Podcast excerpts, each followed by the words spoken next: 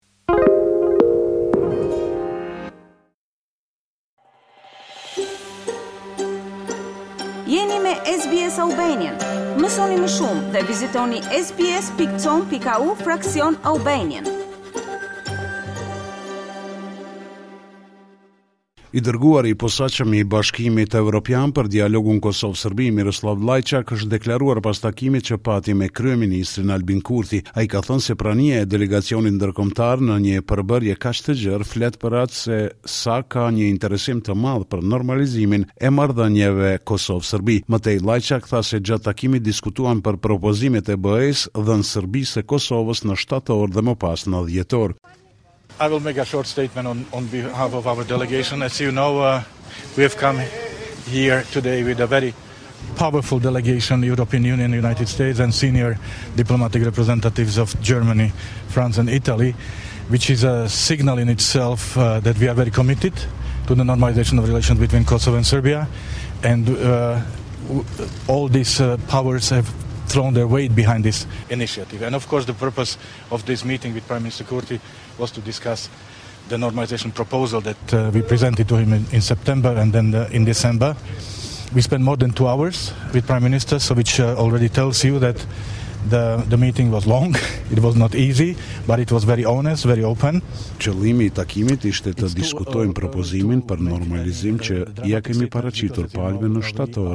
e më pas edhe në dhjetor. Takimi ishte i gjatë, nuk ishte i lehtë, por shumë i hapur dhe i sinqertë. Ne kemi pritur se mundësitë që ky propozim ofron të kuptohen më mirë. Shpresoj të mrrijmë tek ajo që dëshirojmë, tek mirëkuptimi i plotë si dhe shfrytëzimi i plotë i potencialit që ka ky propozim. Është herët të bëjmë ndonjë deklaratë dramatike, sepse ju e dini jemi në mes të misionit dhe nga këtu do të vazhdojmë më pas për në Beograd.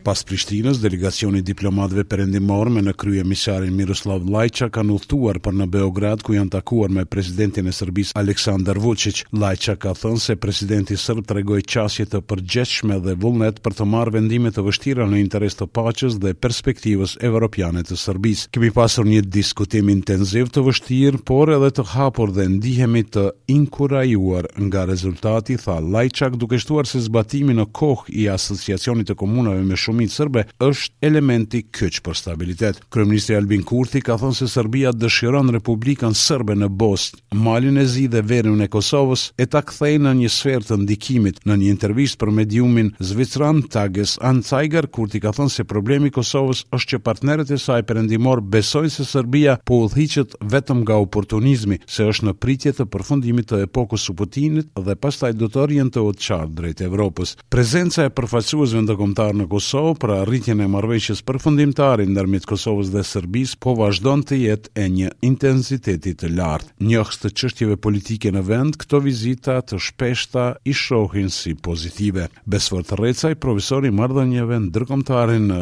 Universitetin e Prishtinës. thotë se takimi i sotëm është vetëm vazhdim i përpjekjeve të diplomacisë ndërkombëtare për arritjen e një marrëveshje finale Kosovë-Serbi. Gjatë takimit të kryeministrit Kurti me pesë deleguarit e bashkësisë ndërkombëtare, të vazhdojnë përpjekjet për përafrimin e palëve drejt arritjes së një marrëveshje finale ndërmjet Kosovës dhe Serbisë që të kemi një marrëveshje të tillë brenda një periudhe sa ma shkurt që është e mundur. Ndërkaq Arben Fetahu nga Grupi për Studime Politike dhe Juridike mendon se faktori ndërkombëtar kërkon një zgjidhje të shpejtë për këtë çështje sipas tij kjo vizitë duhet parë si pozitive. Në këtë vizitë e shoh një aspekt presioni pozitiv për arsye se involvimi i madh i aktorëve ndërkombëtarë, i shteteve veç e veç dhe i BE-së e ndihmon procesin e dialogut, po ashtu nëse qeveria e ka një strategji dhe një platformë të qartë, këtë presion dhe këtë involvim të partnerëve ndërkombëtarë mund ta kapitalizojë në mbështetje dhe të çojë përpara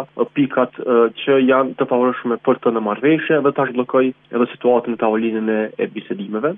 Gjatë ditës së djeshme është raportuar për një kërcënim që thuhet të jetë bërë në drejtim të kryetarit të Lidhjes Demokratike të Kosovës, Lumir Abdixhiku dhe të disa deputetëve të kësaj partie. Kryetari i LDK-së, Lumir Abdixhiku, e ka konfirmuar kërcënimin ndaj tij dhe ka shtuar se Policia e Kosovës po merret me rastin. Më tej, ai ka thënë se nuk ndihet i rrezikuar. Nuk mund të paragjykojmë, por besojmë, besojmë në punën e organeve të drejtësisë të Kosovës së Atosisë. Por pos Abdixhikut të kërcënuar thuhet të ketë qenë edhe deputetët Avdullah Hoti, Armend Zemaj dhe Arben Gashi, ndërkohë dhe kryetari i PDK-së Memli Krasniqi bashkë me deputeten Ganimete Musliu kanë deklaruar se kanë marrë kërcënime të njëjta. Krasniqi tha se nuk kanë mbrojtje të afërt pasi kjo është diçka që vlerësohet nga institucionet e sigurisë. Nuk ka nevojë për t'u frikësuar, jemi në shtetin tonë, tona të sigurisë e vazhdojmë punën si përdorim tash.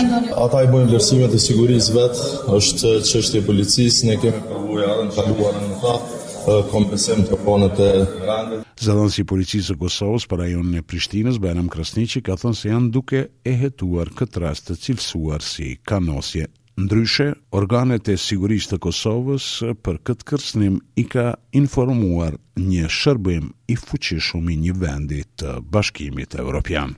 Reshjet e pandërprera kanë shkaktuar vërshime të mëdha në disa komuna të vendit. Gjendje emergjente tashmë kanë shpallur komuna e Mitrovicës dhe e Skenderajt. Edhe në komunat e tjera si në Gjakovë, Pejë, Klinë e Podujevë, në shumë shtëpi uji ka depërtuar edhe nëpër oborre dhe podrume, duke shkaktuar edhe dëme të mëdha materiale. Forca e Sigurisë së Kosovës, Policia e Kosovës, zjarrfikësit janë duke ofruar ndihmë qytetarëve. Për Radion SBS Mendo Hysa, Prishtinë. Klikoni në like, ndani dhe komentoni SBS Albanian në Facebook.